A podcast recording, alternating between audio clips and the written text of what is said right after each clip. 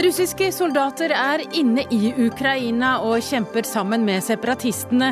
Helt uholdbart, sier ledere i Vesten. Men hva kan de gjøre med Putin? En gruppe fra IS sto bak terrortrusselen mot Norge, skriver Dagbladet i dag. Etterretningssjefen kommer til Dagsnytt 18. Byggebransjen vil at alt arbeid som gjøres i private boliger skal registreres av staten.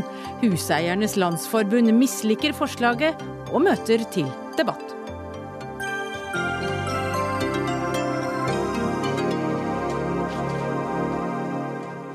Ja, velkommen til Dagsnytt 18. Jeg heter Hege Holm, og i denne sendingen skal vi også diskutere Frp-ungdommens forslag om å fjerne Landbruksdepartementet for å gi skattelette, og vi skal selvfølgelig menge oss med fiffen og prisvinner på hagefest. Men aller først skal vi til Ukraina, for 1000 russiske soldater kjemper altså side om side med de prorussiske opprørerne inne i Ukraina. Innblandingen møter sterke reaksjoner i Vesten, og de prorussiske opprørerne har tatt byen Novasovsk, og nå er ukrainske tropper samlet i Mariupol. Og korrespondent Morten Jentoft, du er i Kamatorsk, der Ukraina leder sin såkalte antiterrorkampanje. Du har vært rundt og snakket med folk i dag, og, og hvordan opplever de det som nå skjer? Ja, Det er jo en merkelig situasjon. Tilsynelatende så går jo livet sin vante gang i de delene av Donetsk fylke der uh, ukrainske myndigheter har kontroll. Jeg ser masse ukrainske flagg rundt omkring. Uh, hvem som har satt opp dem, vet vi ikke helt. da. Men det er klart at folk som jeg har snakket med, har vært veldig bekymret for de meldingene som nå uh, kommer inn. man frykter at det vil gjøre at denne konflikten vil trekke ut enda mer i langdrag. Det var jo ting som tydet på for bare en uke siden at ukrainske styrker styrker snart ville få et militært overtak og ta kontroll over Donetsk og Luhansk, de to store byene. Etter det som har skjedd de siste dagene, så er det jo ting som tyder på at denne konflikten kan komme til å dra ut i langdrag. Og det er jo noe som folk er veldig veldig bekymret for. Jeg snakker med folk som eh, måtte ta buss og taxi da, gjennom krigssonen og inn til Donetsk. og De var jo på gråten, mange av dem, over den situasjonen som er, man har havnet i her nå. Men hva vet du om kampene som pågår ikke så langt unna der du er? Ja, altså Det pågår kamper på flere fronter her, eller kamper eller skyting. da. Men det som er, er, mest interessant nå, er selvfølgelig de troppebevegelsene som har vært helt sør ved Azorhavet, altså rundt byen Novosotsk. Der uh, styrker uh, Ukrainerne sier det er rene russiske styrker. Separatistene sier det at det er separatiststyrker støttet av russiske soldater på ferie. Der har de tatt kontroll da over denne strategisk viktige byen og truer da uh, den nest største byen her i Donetsk fylke, nemlig Mariupol. Sånn at mange er jo redd for hva som kommer til å skje videre. Eh, den ukrainske presidenten Pjotr Porosjenko sier, at, eh, sier at situasjonen er alvorlig, men under kontroll. Eh, han er også bekymret. Han har avlyst et, et, et, en, et besøk i, i, i, Tyrkia. Så det er klart at fra ukrainsk side så ser man veldig, veldig alvorlig på det som nå skjer. Men Russland nekter jo for at de har tropper inne i Ukraina. Ukraina. Hvordan tolker du de motstridende meldingene som kommer i dag? Ja, altså eh, Forklaringen fra russisk side er at dette er da separatister. Eh, en del av dem eh, det innrømmer meg vel åpent, har vært inne i Russland og fått opplæring der inne. Meldingene fra Novosovsk forteller jo at man har heist dette flagget til Folkerepublikken Donetsk inne i byen. Antageligvis for å vise at dette da er separatister og ikke rene russiske styrker. Men samtidig så er jo russiske styrker, russiske soldater, tatt til fange inne i Ukraina. Det kommer meldinger om at eh, mange russiske soldater nå har fraktet bl.a. til sykehus i St. Petersburg, militære sykehus, med skader tydelig fra, eh, fra, fra kamphandlinger. Sånn at bevisene på at det virkelig opererer russiske soldater inne her i Ukraina, de er jo sterke. Storbritannias statsminister David Cameron han krever stans av russiske tanks over den ukrainske grensen umiddelbart. Og Italias statsminister Matteo Renzi sier at eh, han har ringt Putin og advart mot alvorlige konsekvenser dette kan få. Eh, statssekretær i Utenriksdepartementet Bård Glad Pedersen, hva sier Norge ja, Dette er alvorlig eskalering av situasjonen. Fullstendig eh, uakseptabelt. Det kommer rapporter om at det kommer folk over grensa, det kommer våpen over grensa, det skytes eh, over grensa. Dette viser hvor viktig det er at vi står sammen med partnere i Europa og andre steder i å stå opp for folkeretten, i å støtte Ukraina, i å si til Russland at dette er fullstendig uakseptabelt. Ukraina diskuteres i FNs sikkerhetsråd senere i kveld, og Nato møtes i morgen. Og EU-toppmøtet skal se på krisen lørdag. Søndag drar utenriksminister Brende til Kiev. Hva kan han få ut av det? Det er jo viktig å vise støtte til Ukraina i den eh, situasjonen eh, de er i. Eh, og Det har vi gjort både politisk eh, og økonomisk. I tillegg er det viktig at vi står eh, sammen med partnere i å ta fullstendig avstand fra det Russland gjør. Russland har jo annektert Krim, første gang siden andre verdenskrig at et europeisk land tar en del av et annet europeisk land. De har fortsatt destabiliseringa i Øst-Ukraina. Etter at passasjerflyet ble skutt ned med 298 drepte, så ble det nye diplomatiske fremstøt. Selv etter det nye diplomatiske fremstøt mot Putin for å få til en løsning. Men heller ikke da var han villig til å bøye av. Derfor har man fra EUs side satt i, verks, i verk økonomiske tiltak som også vi har slutta oss til. Og Det er helt nødvendig at vi nå eh, står opp for verdier som også vi er avhengig av at holdes høyt, nemlig respekt for folkeretten, og at politisk uenighet skal løses med politiske virkemidler og ikke med militære virkemidler. Men har Brende vært i kontakt med Putin i løpet av dagen? Han har ikke vært i kontakt med, med, med, med Putin i, eh, i, dag. Eh, men vi har jo vært eh, klar og tydelig eh, overfor Russland på at dette er uakseptabelt. Og vi vet jo at de tiltakene som er iverksatt, har en effekt på en russisk økonomi som allerede var svekka. Også Russland har iverksatt tiltak og oppdaga at de har negativ effekt også på russisk økonomi. Og Det er viktig at vi ikke på noen måte aksepterer det som skjer, og da må hans oppførsel få konsekvenser. Men Ukraina har jo bedt om hjelp hvor lenge kan Vesten la russiske tropper eh, få gjøre som de vil i Ukraina? Nei, det, Dette er jo uh, uakseptabelt at det uh, skjer. Uh, og Da må man stå sammen med Ukraina, støtte dem og prøve å bidra til å få til en løsning. Dette er ikke en konflikt som kan løses militært. Den må løses med politiske virkemidler. Og, og Derfor så må det få konsekvenser når Putin bruker militære virkemidler for å oppnå politisk gevinst. Og Der ga du meg stikkord til å henvende meg til din sidekvinne, for Julie Wilhelmsen, du er seniorforsker ved Norsk utenrikspolitisk instituttet NUPI. Og nå må du forklare hva, hva er det russerne tenker på når de nå får en hel verden mot seg? Nei, For det første så er bakteppet hele veien her at et Ukraina som er vendt vestover og knyttet opp mot Vesten og vendt fra Russland, aldri er, kommer til å bli akseptabelt for, for Russland. Det har, vi, det har, vi, vist hele veien, og vi vet hvor viktig det er for Russland eh, gjennom annekteringen eh, av Krim. Og så tror jeg kanskje i den situasjonen som er akkurat nå, så eh, det, har det sett ut som de siste dagene at antiterroroperasjonen eh, mot, eh, som Kiev fører mot Øst-Ukraina, faktisk var i ferd med å lykkes. Og det kan se ut som da Russland nettopp hadde tapt alt det de, alle de kravene de har hatt. Og da eh, tyr eh, Russland til de eh, verktøyene de har i, i kassa. Eh, og det må jo sies at eh, selv om alle, alle, stater er villige til å ta i bruk militærmakt, så er, er det en, eh, si, et trekk ved Putins styreform, faktisk, at tvangsmakt er, veldig ofte er tas i bruk for å, å løse problemer. Og Derfor så, så, så kommer nå disse styrkene over grensen. Det, det tror jeg er helt eh, eh, helt riktig. Og det er eh, sannsynligvis et slags hva skal jeg si, nærmest forhandlingsutspill i en situasjon hvor man også vet at Vesten støtter Ukraina, men egentlig er uvillig til å backe opp Kiev militært. Og da vil man styrke sin forhandlingsposisjon ganske godt ved å få et militært stronghold Tror du Putin hadde gjort det han gjør i dag hvis han trodde Vesten ville møtt militært og støttet Ukraina?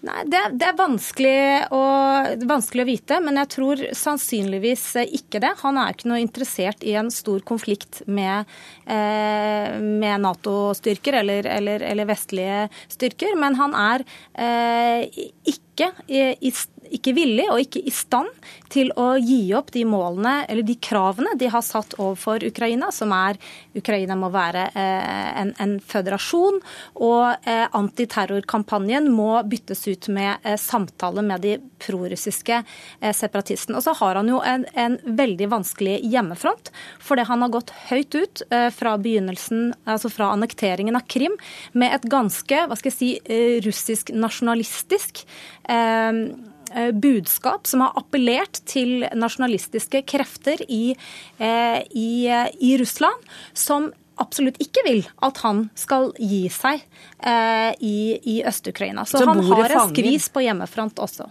Bor og fanger. Jeg er enig i det siste som du sier, nemlig at den eh, russiske propagandaen er farlig fordi det har en selvforsterkende effekt. Vi ser jo et voldsomt propagandaapparat eh, også i russiske medier. Så syns jeg det er viktig at vi ikke snakker om Ukraina som det er en brikke i et taktisk spill. Eh, ukrainske befolkning har akkurat samme rett som alle andre til å velge den politiske framtida for sitt land som alle andre. Vi kan ikke akseptere at Russland bruker militære virkemidler, bruker destabilisering av en del av landet for å unngå det, og for å uh, sjøl styre. Og det, uh, Dette angår jo ikke bare uh, Ukraina eller bare Krim, dette angår oss alle. Skal det være sånn at den sterkestes rett gjelder, eller skal det være sånn at ethvert land har rett, til å velge sin egen politiske framtid? Selvfølgelig skal det være det siste, og derfor er det viktig at vi står sammen om det. Så er det ikke en militær løsning på dette, vi må få til en politisk løsning. Og de økonomiske tiltakene, eller hva har Putin oppnådd til nå? Han har samla Nato og styrka Nato. Han har samla EU og styrka EU. Han har svekka russisk økonomi. Han har oppnådd en dårlig gassavtale eh, med eh, Kina, og han er i en vanskeligere politisk posisjon. Så det er viktig at vi bruker sånne tiltak for å bidra til å legge press på, Kina, nei, på Russland om å velge et politisk spor fremover. Ja, Wilhelmsen, kan ikke du bare repetere kort for oss, hvorfor er det så viktig for Putin å beholde Ukraina innenfor sin interessesfære, at han nå legger seg ut med hele vestlige verden? Det er rett og slett veldig, veldig lange eh, historiske kulturelle eh, også når det gjelder religion, religiøse bånd. Tett økonomisk eh, samkvem i, i det uh, Russland som uh, Putin på en måte forestiller seg, og mange i Russland med ham, så er Russland i ferd med å gjenskape en slags eurasiatisk sone, altså nærmest en egen sivilisasjon, hvor Ukraina helt klart ville være den tetteste partneren til, til Russland. Gro Holm, korrespondent i Washington. Eh, FNs sikkerhetsråd skal altså ha hastemøte om Ukraina i kveld klokka 20 om et par timer. Hva forventer man skal komme ut av det møtet? Ja, eh, Russlands FN-ambassadør Vitalij Sjurkin vil jo helt garantert få spørsmålet om er det russiske soldater inne på ukrainsk territorium. Eh, og svaret, Det blir ikke enklere for han å svare ved at eh, det amerikanske forsvarsdepartementet i dag har offentliggjort satellittbilder som viser eh, russiske militærkjøretøyer, eller, eller det amerikanerne hevder er russiske militærkjøretøyer, stridsvogner og panserkjøretøyer, på vei inn i Ukraina fra Russland. Det Washington Post skriver på lederplass i dag at Putin lyver når han hevder at det ikke er russiske styrker inne i Ukraina, og det er holdningen her. Og eh, det blir også sikkert mye diskusjon om det rundt, eh, rundt bordet i Sikkerhetsrådet. Men, men, hva kan Obama få gjøre? Hvordan kan han forholde seg til eh, den situasjonen? Ja, jeg tror ikke USA kommer til å gjøre noe som ikke er koordinert med de andre Nato-landene her. Og det, eh, Russland, nei, det, USA har gjort så langt, er jo å gi såkalt ikke-dødelig militær støtte til den ukrainske regjeringen. Eh, I tillegg til sanksjoner selvfølgelig, og trening av ukrainske militære. Eh, men eh, Obama kan ikke, og vil ikke nå, eh, gå inn i en militær konflikt med Russland over Ukraina. Det eh, tror jeg er temmelig usannsynlig. det skal være et eh, møte i Det nasjonale sikkerhetsrådet klokka 20 amerikansk tid, altså klokka to i natt norsk tid, eh, hvor Obama skal møte forsvarsministeren, utenriksministeren og også forsvarssjefen og etterretningssjefen i Det hvite hus. og Der skal man diskutere både Ukraina og det som skjer i Syria. Takk til deg, Gro Holm, Julie Wilhelmsen, Bård Glad Pedersen og Morten Jentoft. Hør Dagsnytt 18 når du vil. Radio NRK NRK.no. Ja, da skal vi snakke om eh, terror her i Dagsnytt 18. For en gruppe fra den brutale organisasjonen Den islamske stat, IS, planla en spektakulær terroraksjon i Norge i sommer. Og det var altså det som førte til terroralarmen i juli. Dette skriver Dagbladet i dag, og Gunnar Hultgren, du er journalist i Dagbladet, og du har i dag denne saken. Og nå må du forklare oss, eh, for det er ikke så lett å få andre til å forklare oss eh, hva det var som skjedde. Men hva vet du om trusselen? Ja, vi begynte jo med at vi ikke visste noe i det hele tatt. Vi oppdaget veldig tidlig at mange stilte spørsmål om dette var en reell trussel. Og da var det om å finne ut hva dette var for noe. Og så langt vi har kommet, så var dette ubetinget en reell trussel mot Norge. Det er vi mer enn rimelig sikre på. Og hva vet du om trusselen? Vi vet jo det som står på trykk i Dagbladet i dag. at det var en gruppe som var på vei til Norge? Det vi vet er at uh, angivelig skal det være fire menn som var da på vei til Norge. Og at det var da klare, konsise opplysninger på at de skulle utføre et attentat i Norge som skulle være da ekstremt og spektakulært, og som ville bli lagt merke til over hele verden. Har du fått noen uh, om hva det kunne være? Det har jeg ikke det minste anelse om hva de skulle gjøre. Det ble jo spekulert i slutten av juli på flere ting som ville være oppsiktsvekkende. Du hadde en, verdens største fotballturnering i Norge. Du hadde, oljeinstallasjoner, du har Hurtigruten, du har masse ting det kunne være. Det, det vi, vi, begynte å lete rundt her for å finne, og brukt da lang tid på det. Snakket med en rekke mennesker og fått tegnet et bilde av at dette var reelt. At det var da folk som hadde bakgrunn fra krigene, terrorhandlingene i Syria. Hvorfor de skulle til Norge, det vet jeg ingenting om. Men det hvem, tror jeg heller ikke norske myndigheter vet så mye om. Hvem var de? Det vi har funnet ut, det er at det var eh, fire menn som da ikke er hjemmehørende i, eh, i Midtøsten. Heller ikke har noe direkte med Norge å gjøre, som skulle hit. Så langt vi har kommet til, så stopper de siste sikre sporene på at de kom seg til, inn i, eh, i Den europeiske union, kom seg til, til, til Hellas og skulle videre derfra. Og etter det vet ikke vi med sikkerhet. Og så vidt vi forstår, så vet heller ikke verken norske myndigheter eller andre lands etterretningsstasjoner hvor det er blitt av dem. I Hellas, der stopper alle sikre spor? Det er der vi har stoppet, ja. Men, men hvem var det som tipset E-tjenesten og PST, for dette var ikke egen etterretning? Ja, Det klarte vi etter mye om å finne ut at det var eh, samarbeidende tjenester. Så vi valgte å ikke fortelle hvem det er. Og Det er liksom to reaksjonelle grunner til. Det ene er at ved å snevre inn hvem dette kan være, så kan vi da være med å bringe uskyldige mennesker i fare. Og eh, Så jeg har ikke, har ikke lyst til å fortelle mer enn enn det at vi, vi, mener å vite hvor opplysningene kommer fra.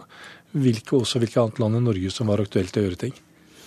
Jeg er helt sikker på at du vet mer enn det du forteller meg, men du forteller meg det du skrev i avisen i dag. Og med det du vet, Mener du at det var riktig det som skjedde, at det å informere hele befolkningen om trusselen var et, eh, et forståelig grep?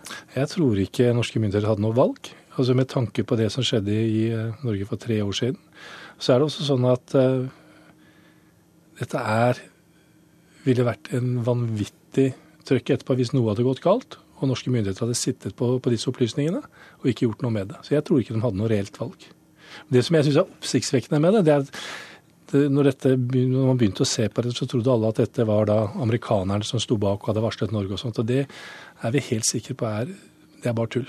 Dette kom fra samarbeidende tjenester som norske myndigheter har da sannsynligvis veldig godt forhold til.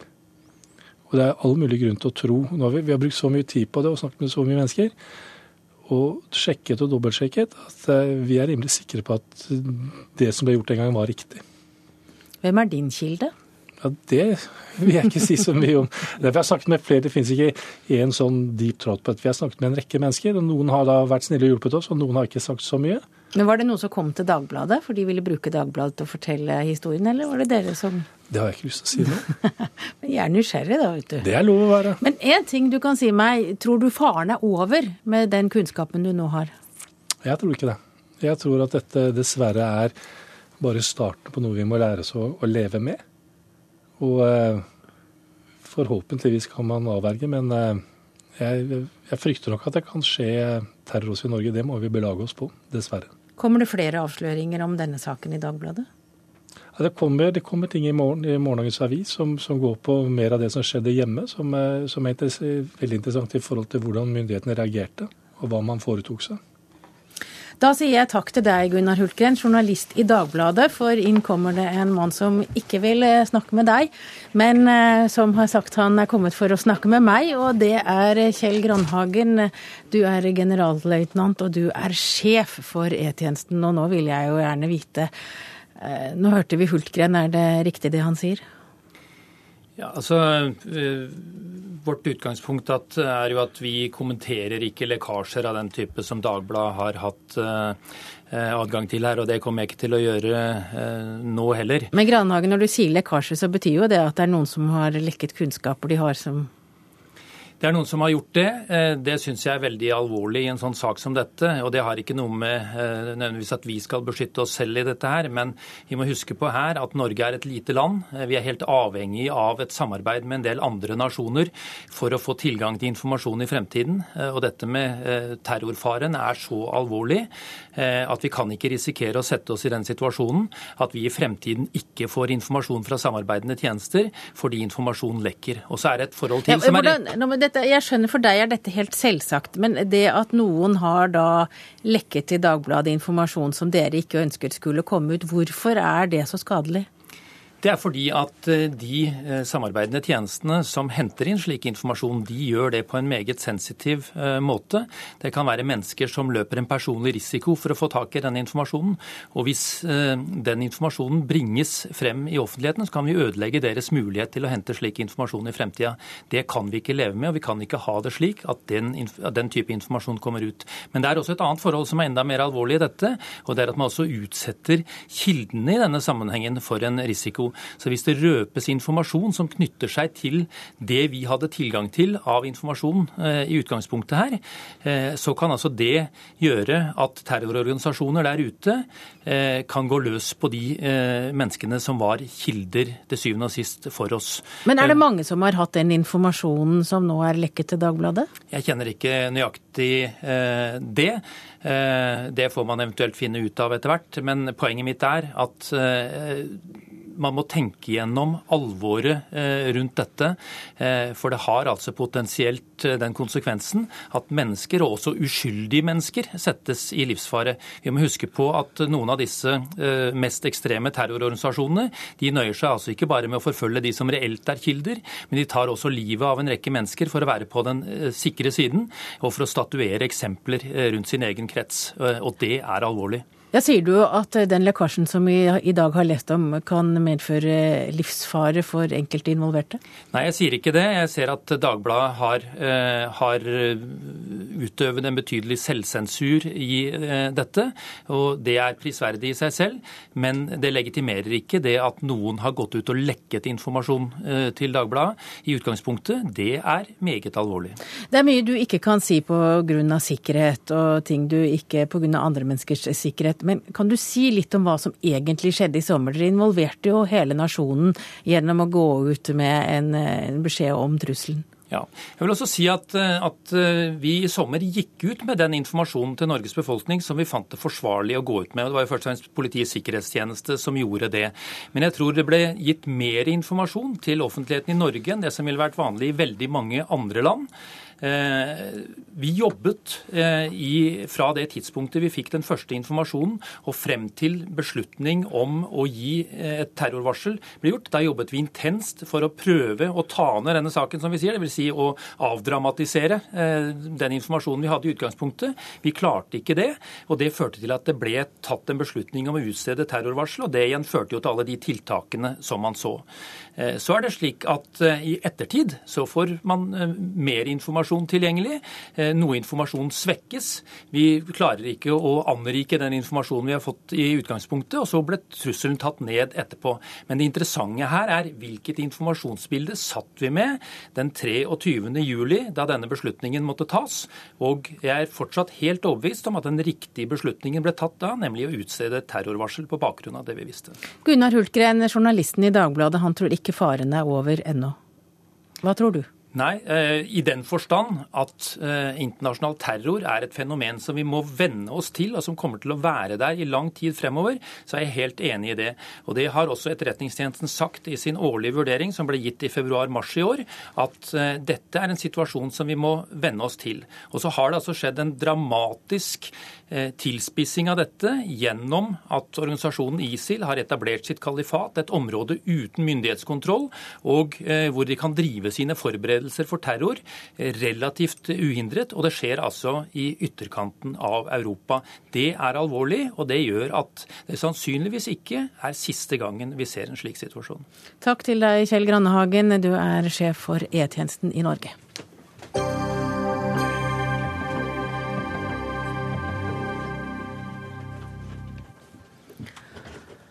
Et nytt forslag som innebærer at alt arbeid over 40 000 kroner som blir gjort med private bolig skal registreres i Statens kartverk, er kommet på bordet i Kommunaldepartementet. For det er byggnæringen som står bak forslaget, og de mener at dette er et viktig forslag for å forebygge svart arbeid. Dag Refling, du er utredningssjef i Huseiernes Landsforbund. og Du liker ikke dette forslaget spesielt godt. Men hva er det som er galt med at eh, oppussingsarbeider over 40 000 kroner, det er jo en del penger, skal registreres? Det er en del penger, men i boligsammenheng er det svært små beløp.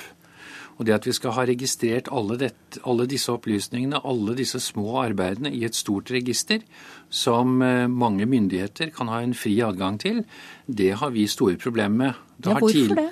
Jo, både fordi at eh, det er en slags innsyn i privatsfæren. Altså Vi har hatt det når det gjelder taksering og mange andre spørsmål.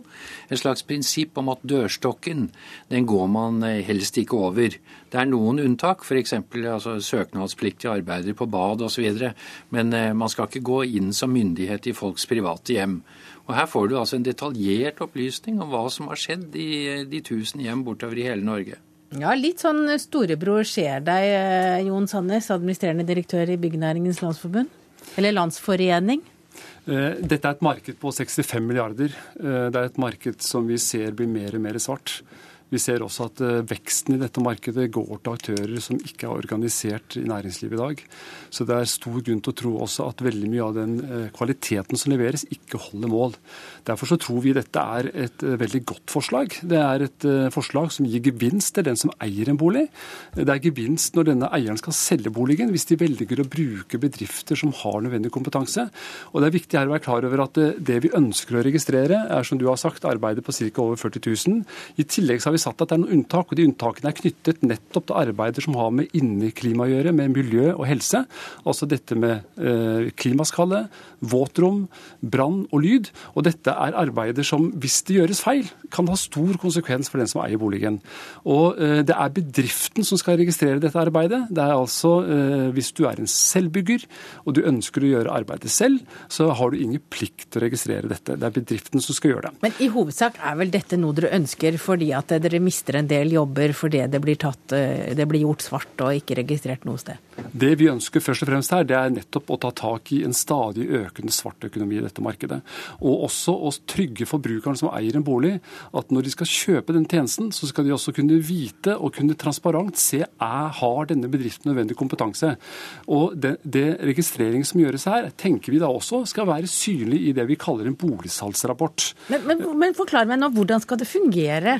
Det skal fungere veldig enkelt. Det er at hvis, eh, Jeg kan ta meg selv som eksempel. Hvis jeg skal pusse opp badet mitt, så går jeg da ut i det vi nå har foreslått, en ny sentral godkjenning, og sjekker om denne bedriften er en del av det systemet, og ser at de har kompetanse. Jeg velger vedkommende, jeg skal gjøre om på badet. Vedkommende går inn da på seeiendom.no. De går inn på gårdsnummer, bruksnummer, og så setter de oppussing av bad. Og Så erklærer da denne bedriften at de har den nødvendige kompetanse i henhold til det som kreves. Eh, og Så trykker de enter, og så får de en hyggelig melding 'takk for at du har registrert'. Og Når jeg da skal selge denne boligen, eh, så står det inn i boligsalgsrapporten at jeg har brukt det og det firmaet, jeg har gjort det og det arbeidene, og da vil du kunne i større grad få en riktig pris på det salgsobjektet. Og den som kjøper det også, høres, trygges jo. Det høres jo veldig greit ut. Ja, det høres kjempeflott ut. Men problemet her er at det svarte arbeidet som du har i denne store aktiviteten som folk driver med hjemme hos seg selv, den får man eh, antagelig ikke noe mer tak på med dette registeret enn uten. Det svarte arbeidet vil selvfølgelig aldri bli lagt inn i dette registeret. Det ble et fint register med masse hvitt arbeid. Når eh, Sandnes sier her at man får Men hvis jeg da skal selge leiligheten og si at jeg har pusset opp hele leiligheten for to år siden, og det ikke ligger noe inne i registeret Det er én stor forskjell her. Én ting er at det ligger i et register, og at du som kunde har rett på å få dokumentasjon på hva som er gjort, og at du kan eh, i og for seg benytte de klageordninger osv. som fins. Det vi snakker om her, er et register som andre myndigheter kan gå inn i og snoke i. Det kan brukes til mange andre formål enn akkurat det å fjerne ja, svart arbeid. Hva tenker du på da? Nei, jeg tenker på Det kan f.eks. være tekniske pålegg på huset. Det kan være snakk om eh, en eller annen form for beskatning, gebyrlegging. Eh, fantasien setter grenser. Men poenget er at myndighetene skal ha fritt adgang til dette. Det er altså ikke boligeierens private eiendom, slik det vil være med servicehefte på en bil. Og dette bekymrer oss veldig, for det går langt over streken for den innsyn vi mener myndighetene med en viss naturlighet bør kunne kreve Men dere har fått myndighetene med på det, har dere ikke det? Vi har fått en bestilling fra Kommunal- og moderniseringsdepartementet, og dette er en del av mange virkemidler vi har foreslått eh, for å få til egentlig to ting. Det ene er eh, at du skal sikre kvalitet i det som leveres i byggverk, og det andre også at vi skal få virkemidler mot den svarte økonomien. Og, og dette er altså en del av markedet som eh, har en veldig stor del av svart økonomi. Det undergraver hele vår samfunn samfunnsmodell. Og, eh, ja, Men er det sånne arbeider, nettopp sånn 40 000-klassen, at eh, du finner svart arbeide? Altså, altså mindre arbeider i privatboliger? Ja, vi, vi, har valgt å sette grensen der. fordi Man skal ikke drive med, med millimeterregistrering her. Eh, når jeg kjøper en bruktbil, det første jeg sjekker, er jo nettopp serviceheftet. Eh, har denne bilen vært på et merkeverksted? Har det vært brukt kvalifisert fagfolk? Og jeg syns at den som eier en bolig skal på en måte få samme type mulighet innenfor det å eie en bolig som er enda dyrere og enda større risiko. Nemlig at hvis man har brukt kvalifisert arbeidsfolk, ja, så syns jeg at det skal kunne komme fram, slik at du kan få en mer riktig pris på den eiendommen. Det syns jeg bare er rett og rimelig. Og det er en samfunnsutfordring at vi eh, sitter og ser på at eh, dette er et marked som blir svartere og svartere undergraver vår modell. Vi så det, vi visste det, men vi gjorde ingenting med det. Og her prøver vi å gjøre noe med det. Altså, dette er jo en kamp som myndighetene har kjempa lenge nå. Kampen mot svart arbeid. Blir det bare mer og mer? Vi er, vi er, like bekymret for det som skjer i byggebransjen. Og la det være hevet Ja, ja, men det må jo være den kjøper av dette svarte arbeidet ja. som velger å kjøpe svarte tjenester. Altså ikke betale moms på eh, den jobben de får gjort. Det ser jeg. Eh, men det er to forskjellige grupper markeder her. Det ene er det store profesjonelle markedet mellom entreprenører og business-to-business-relasjoner. Det andre er dette private småmarkedet med hundretusener av små jobber. Og det er det siste vi snakker om her og nå. Og det er andre virkemidler som man bl.a. har prøvd ut i Sverige, som kunne få dette svarte arbeidet hvitt. Men vi ja, som... har rett og slett ikke noe tro på at dette registeret vil bidra til det. Det er det som er hele problemet dette er ikke noe lite marked. Altså, eh, for de som ser på, 65 milliarder det er altså like mye som det bygges vei og jernbane for i Norge. Så vi snakker om et gedigent marked som har en samfunnsmessig utfordring. Og når du tar opp dette her med fradrag på, altså rotfradrag som man har i Sverige, hvor man kan trekke fra eh, arbeidsdelen, eh, så vil ikke dette være til hinder for det i hele tatt. Det er noe som vi kjemper for og har kjempet for. Og hvis du da skal kjøpe en sånn type rehabiliteringstjeneste, så kan du i denne ordningen også være trygg på at du bruker faktisk en kvalifisert uh... men, men, la oss si at du, du, får inn en håndverker da, som gjør en jobb for 50 000 og gjør avtale om at ja. det skal, ikke skal gjøres svart, at det betales ut kontanter og i det kan du fortsatt gjøre fordi om det er kommet en eh, Det kan du gjøre, men det er ganske overbevist over tid. Hvis vi får denne ordningen på plass, og det sa vi også til Sanner, det er at eh, det, at det blir lagt inn som informasjon også i en boligsalgsrapport, så er jeg ganske overbevist om at over tid så vil forbrukeren se det formålstjenlige med å være en del av dette systemet. Og det vil over tid være med å bygge opp under en seriøs næring. Og det vil vel du være enig i, Refling, at over tid så vil det nok Ja, nei, men altså Det man gjør her, er jo faktisk også å skremme folk fra å drive med normal oppussing i sitt eget hjem. Men det sa han, det kunne man bare holde på med. Det var, gikk ikke. Det, sa det, men det, du har lov til. Det du har lov til. Ja, det er så. Takk til dere, Jon Sandnes, administrerende direktør i Byggenæringens Landsforening, og Dag Refling, utredningssjef i Huseiernes Landsforbund.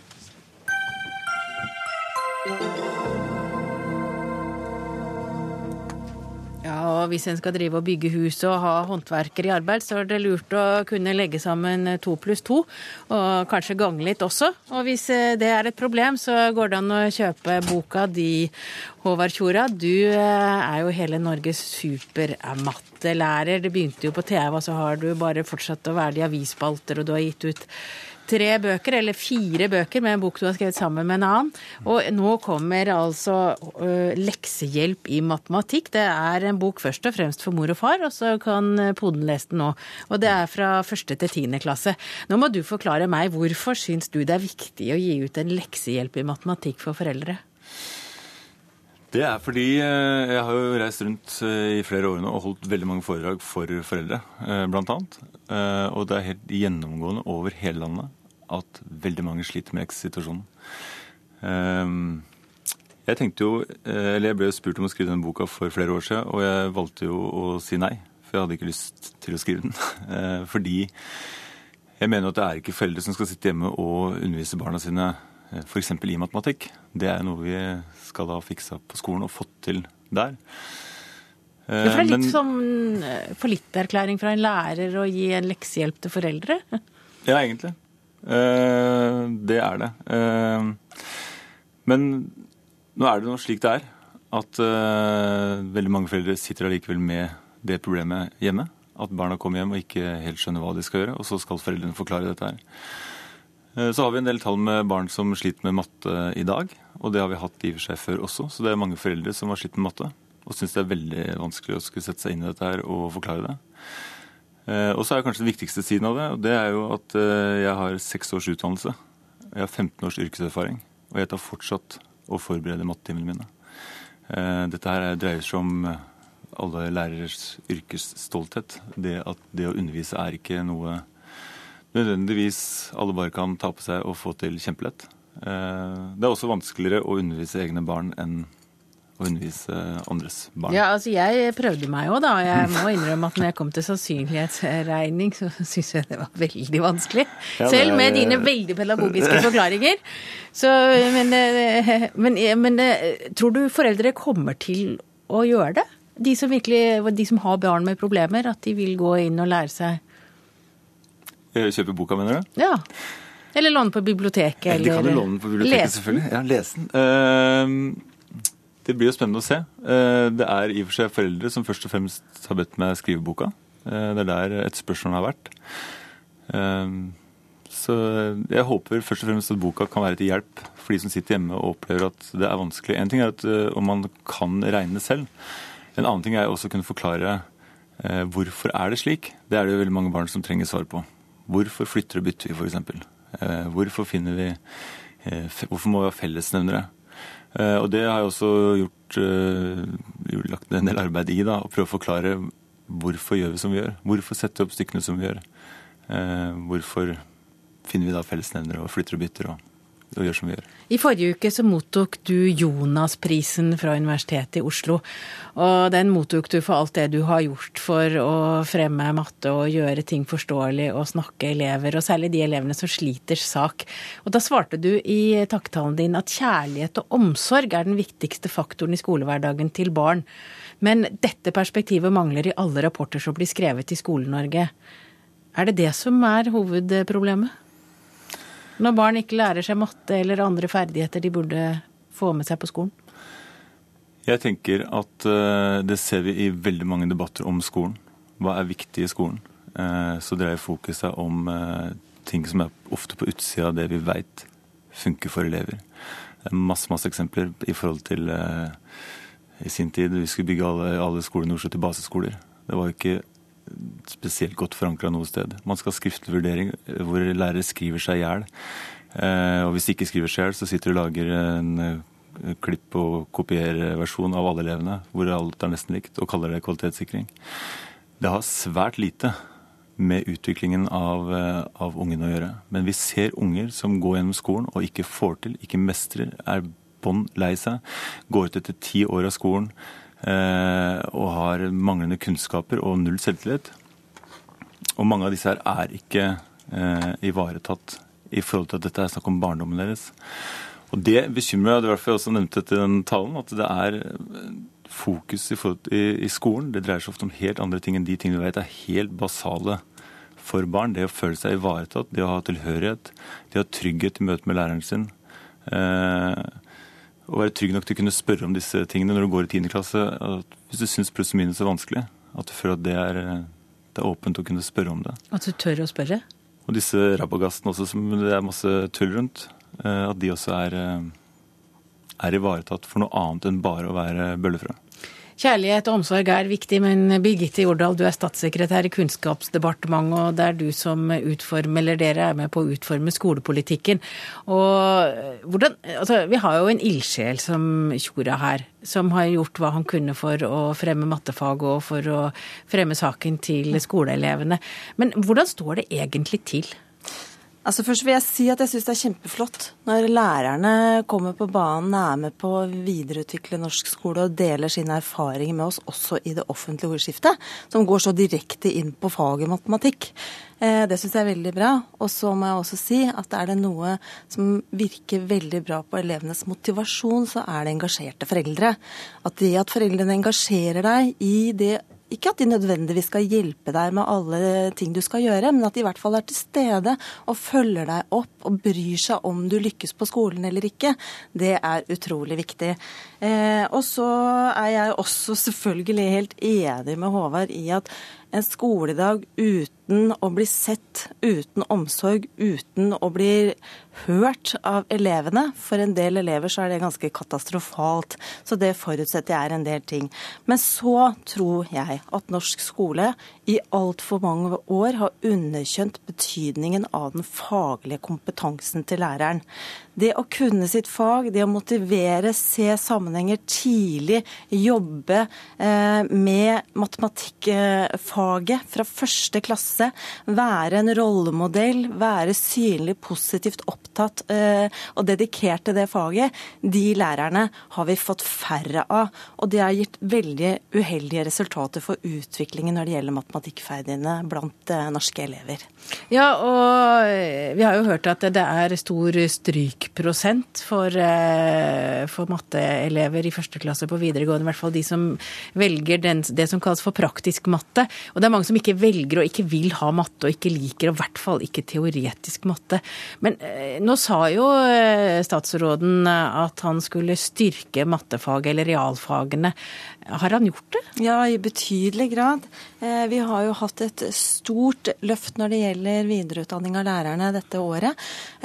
Og det skal vi fortsette med. Her er det lagt veldig fokus på realfagene, og særlig matematikkfaget, for de som ønsker å videreutdanne seg i det faget. Og da er det ikke bare snakk om å kunne regne mattestykkene enda bedre, eller skjønne, men det er også didaktikken og metodikken. Hvordan er det lærere best kan formidle eh, matematikkfaget på en måte som eh, er tilpasset alle elevenes forutsetninger.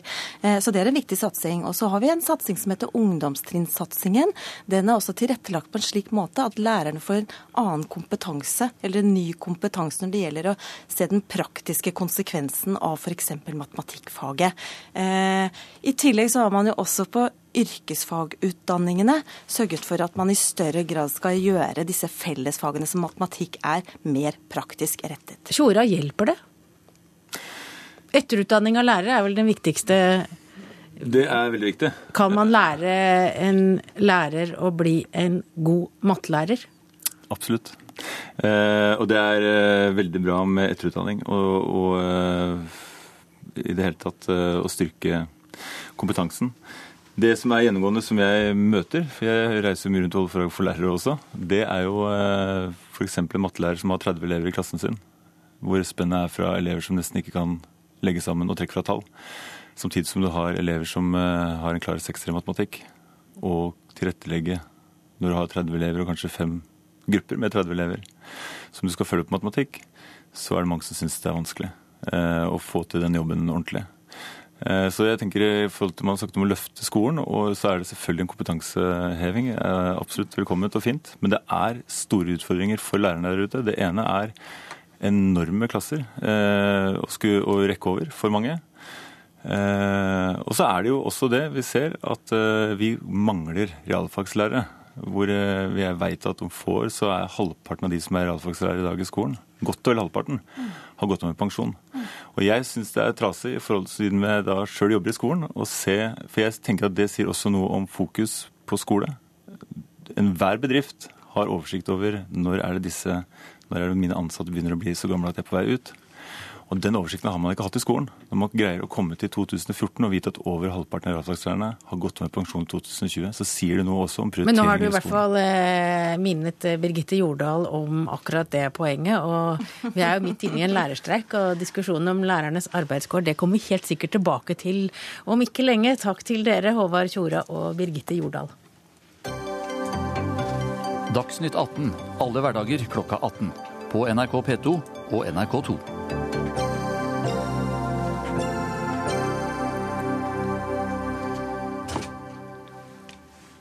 Ja, Da skal vi til Oslo sentrum, for årets store litterære hagefest foregår akkurat nå i Aschehoug forlags hage i sentrum av Oslo, i på Drammensveien. Marianne Rustad Karlsen, der er også du. Hvordan er stemningen blant fiffen? Det er eh, høy stemning her. Det er jo slik at eh, det er 1200 mennesker inne i denne frodige hagen. Og det er mange kjente fjes, både fra litteratur selvfølgelig, mange forfattere, og det er mange artister, journalister og programledere som vi ser både fredag og lørdag hjemme hos oss selv. Det er politikere som Torbjørn Jagland, Trine Skei Grande. Og det er høy stemning. Kakebordet er allerede inntatt. Eh, det er jo din fest, dette, forlagssjef Mats Nygaard. Hvordan velger du ut gjestelisten? Ja, dette er, eh, dette er Askes fest, men det er Askes fest for forfatterne. Til ære for forfatterne. Eh, det er klart at det er ikke bare forfattere her, men det er veldig veldig mange av gjestene som er det. Og, forfattere er mange typer mennesker. Men så er det andre mennesker som står forlaget nær på ulikt annet vis. Og, og det er sånn sett en, en spennende bukett av veldig ulike mennesker.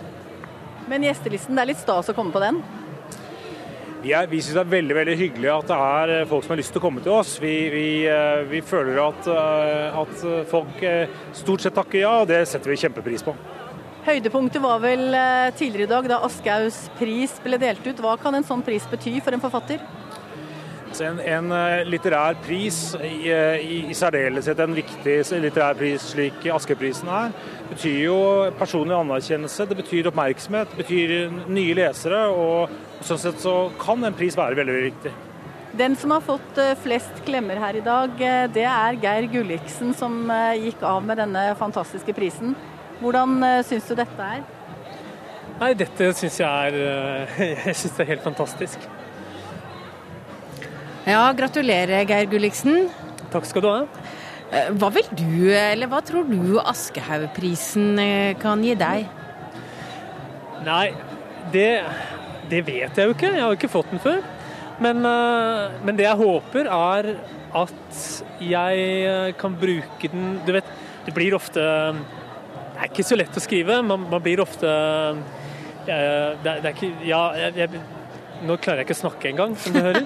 Jeg du, som, håper... du som har jobbet med bøker, du er jo også redaktør i Oktober, mener ja, Nei, men jeg, håp, jeg håper, prisen, jeg håper at prisen skal gjøre det Uh, mulig for meg å skrive enda bedre, rett og slett. Det, det, det, hvis jeg skal snakke sant, så, så, er det sånn. Og så blir det jo, det er jo mange mennesker som blir, eh, som blir obs på deg. Så ja. kanskje undersøke hva du har skrevet, kjøper ja. en bok eller to. Jeg skriver jo fordi jeg gjerne vil bli lest, så, så hvis prisen har den effekten også, så er det ikke meg imot.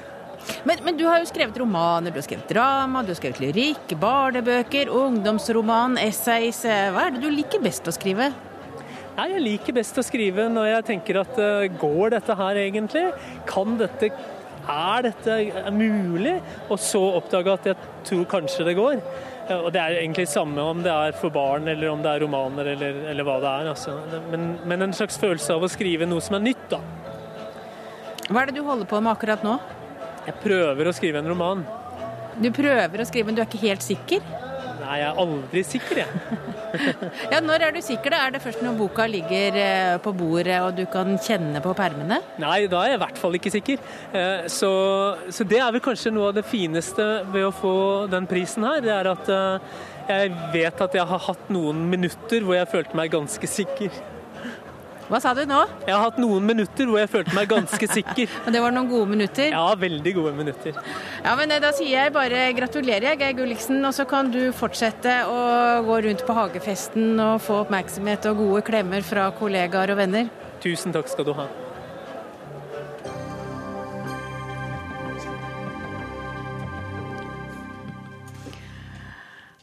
Legg ned Landbruksdepartementet.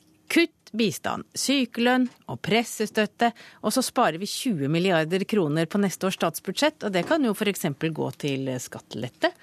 Dette er det Fremskrittspartiungdommen eh, som har funnet ut, og dette gir de råd til finansminister Siv Jensen, som eh, vel er i ferd med å avslutte budsjettforhandlingene.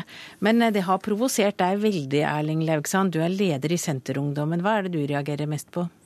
Nei, Det er jo mange ting å reagere på her. Jeg synes hele forslaget er useriøst, og at det er en form for bajas-politikk. Men samtidig så må jo vi i Senterungdommen ta den politikken til FpU og forslagene deres på alvor.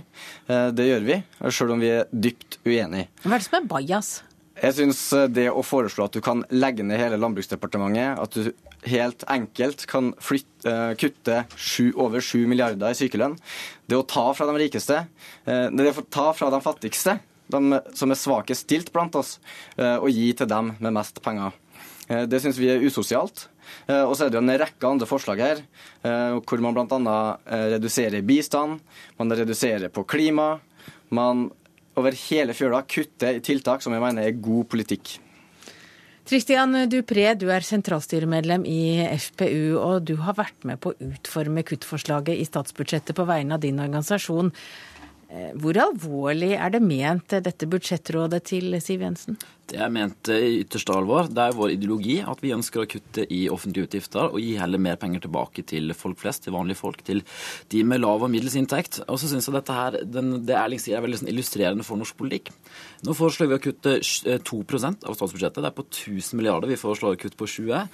Og det er på en måte raseringen av, av statsbudsjettet av hele norske stat omtrent. Og det er, det er ikke måte på hvor fælt det er. Det er nesten et sånn norsk fenomen, altså. At ikke, at ikke det kan være et parti som er såpass frisk at de vil kutte litt i utgiftene heller gi tilbake til vanlige folk.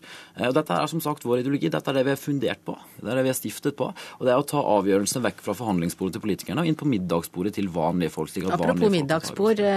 Landbruksdepartementet, hva, Ja, altså vil det- de gjøre med det, egentlig? Det, altså det er jo ingen hemmelighet at vi er for å kutte i landbrukssubsidiene, men, men det som var snakk om i dette forslaget her, var å legge driften av eh, landbrukssektoren, offentlige delen her, inn i Næringsdepartementet. Eh, Så dette her går ikke ut på subsidiene. Det er ikke sånn at vi skal legge ned norsk landbruk. Eh, Vi skal bare legge ned departementet, det byråkratiet rundt det. Eh, Det var det som var det Det er vel snart så få gårdsbruk igjen, Laugasson, at, det- etter rød-grønn regjering. Altså. at den rød-grønne regjeringa at, at en må nesten tenke på å kutte i departementet òg? Nei, Jeg vil gripe uh, tak først i det uh, Tristan her sier. fordi det er jo veldig gjenkjennbar Frp-politikk der. og Sånn sett så setter jeg jo pris på at FpU er så tydelig på at de vil prioritere skattelette fremfor de her uh, tiltakene. Så er det jo sånn at Regjeringa allerede har kutta over hele fjøla til alt som handler om distriktsutvikling, næringsutvikling i distriktene. Og det jeg lurer på, er jo når det gjelder Landbruksdepartementet Du klarer jo ikke å legge ned eh, hele departementet og fortsatt gjøre de samme oppgavene. Det er jo oppgavene som betyr noe. Eh, Så uansett om du legger, legger Landbruksdepartementet inn under eh, Næringsdepartementet, så må det jo sitte noen folk som jobber med jordbruksoppgjør, WTO-forhandlinger, forskning på feltet i det hele tatt. Det, det er helt sant, men nå har vi ikke noen um, bistandsminister lenger. Det er jo ikke sånn at vi har sluttet å gi bistand, tvert imot. Eh, så det går an å effektivisere byråkratiet uten at det går utover oppgavene i veldig stor grad. Vi ser jo det at Norge bruker veldig mye penger på å utføre statlige oppgaver uten at vi nødvendigvis får så mye igjen for det som andre land enkelte ganger får. Men jeg vil ta tak i du sier at det er et useriøst forslag. Altså, jeg må innrømme, Dette her er noe som vi har lagd på ganske kort tid for å illustrere at det er mulighet for å kutte. ikke sant? Um, men Frp setter seg ned hvert år når vi var og lagde alternative statsbudsjetter med, med kutt som var i, ikke langt fra den størrelsen som vi har sagt. Så det er absolutt mulighet til å kutte. Men det som er veldig seriøst, Erling, så ikke du tar inn over deg, er at din egen regjering kommer med en perspektivmelding som sier at i 2060 så kommer staten Norge til å begynne å gå med underskudd. Og hvis du i tillegg tar høyde for den veksten som har vært i offentlig forbruk, så vil det skje allerede i 2025. Eh, Så jeg lurer på om du har noen seriøse forslag til hvordan vi kan løse de utfordringene? Det er helt riktig det, at vi får utfordringer eh, med å møte veksten i eh, offentlige utgifter. Og det jobber vi jo med i Senterpartiet også. Men jeg mener jo denne typen forslag ikke virker i riktig retning i det hele tatt. Ta satsinga på regnskog i Brasil, f.eks. Eh, som er 4 milliarder FPU foreslår å kutte. Jeg mener Dette er en av vår tids viktigste saker. Og det er klart Hvis du ikke tror på klimaendringene, så gir det kanskje mening. Men jeg mener at det her er noe vi er helt nødt til å ta tak i. Eh, og jeg tror også det er stor oppslutning både i det politiske miljøet og blant folk flest for at vi er nødt til å bruke penger på de her store oppgavene. Og så Når det gjelder eh, perspektivmeldinga det den sier, er jo at det er mange ting vi kan gjøre for å møte den veksten i offentlige utgifter. Eh, og jeg mener at de her forslagene som er foreslått av FPU, ikke er riktig for å oppnå det. Men altså dette med regnskog det handler jo ikke om, om klimapolitikk. sånn sett. Dette var et, eh, et, poeng om bistandspolitikk. og vi mener at Når et land er såpass rikt som Brasil, det er ikke noe fattig u-land. Det er til og med et land som har et veldig stort bistandsbudsjett selv. Eh, så er det litt søkt at vi skal gi bistand til. Da syns vi heller at de kan kanskje bruke de pengene de bruker på bistand på selv, eh, ordne opp i utfordringer de har i sitt land. Um, så det er ingenting med det. Dette handler rett og slett om at vi skal kutte i utgiftene. Kutte i ting som kan gjøres enten av sivilsamfunnet eller av markedet. Um, dette gjelder teater i, i andre land. Um, bistand som, som, har vist seg, og en ny, ny, rapport som ble omtalt av The Economist, at bistand fungerer ikke så bra som, uh, som enkelte vil ha det til. Så, så, dette handler om å se på hva er det som faktisk fungerer, kan vi kutte. Og så vil jeg ta opp annet poeng, og det er dette i 2005, da Jens Stoltenberg tok over regjeringen. Så var statsbudsjettet på 600 milliarder kroner. Nå er det på 1000.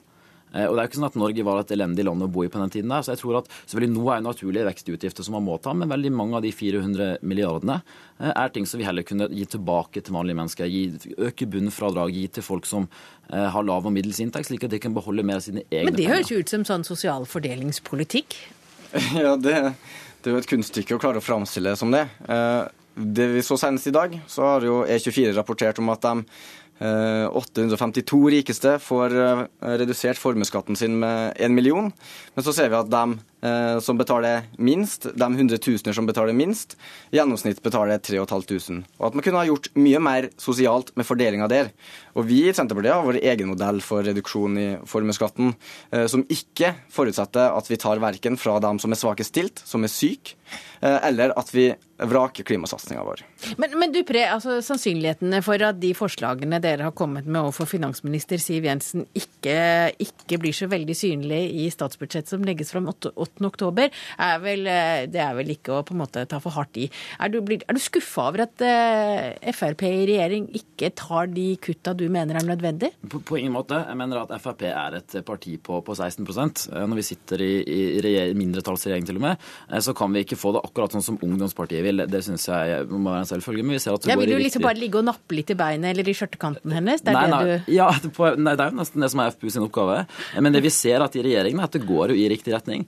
Eh, selv kanskje pga. at Frp har ligget og nappet i, i, mange år, så ser vi det at eh, det blir skatteletter, det blir kutt i offentlige utgifter, og det er vi veldig fornøyd med. Samtidig så ser vi at de oppgavene som vi vil at staten skal gjøre, dvs. Si FPU er jo mot at, eh, at vi mener at kultur er for voksne mennesker, spesielt for da de som særlig får bruke fin kultur, som har råd til å betale for det selv. Det er ikke noe offentlig oppgave.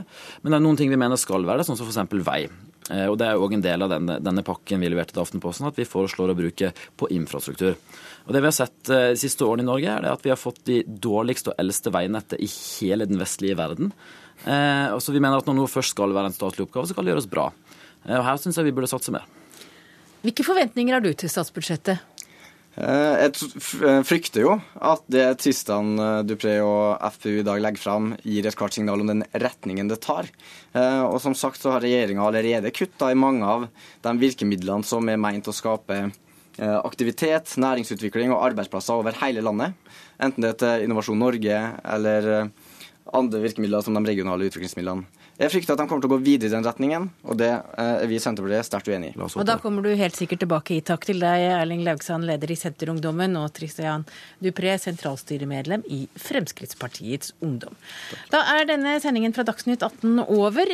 Vi minner om eh, kveldens premiere på Debatten på NRK1 klokka 21.30.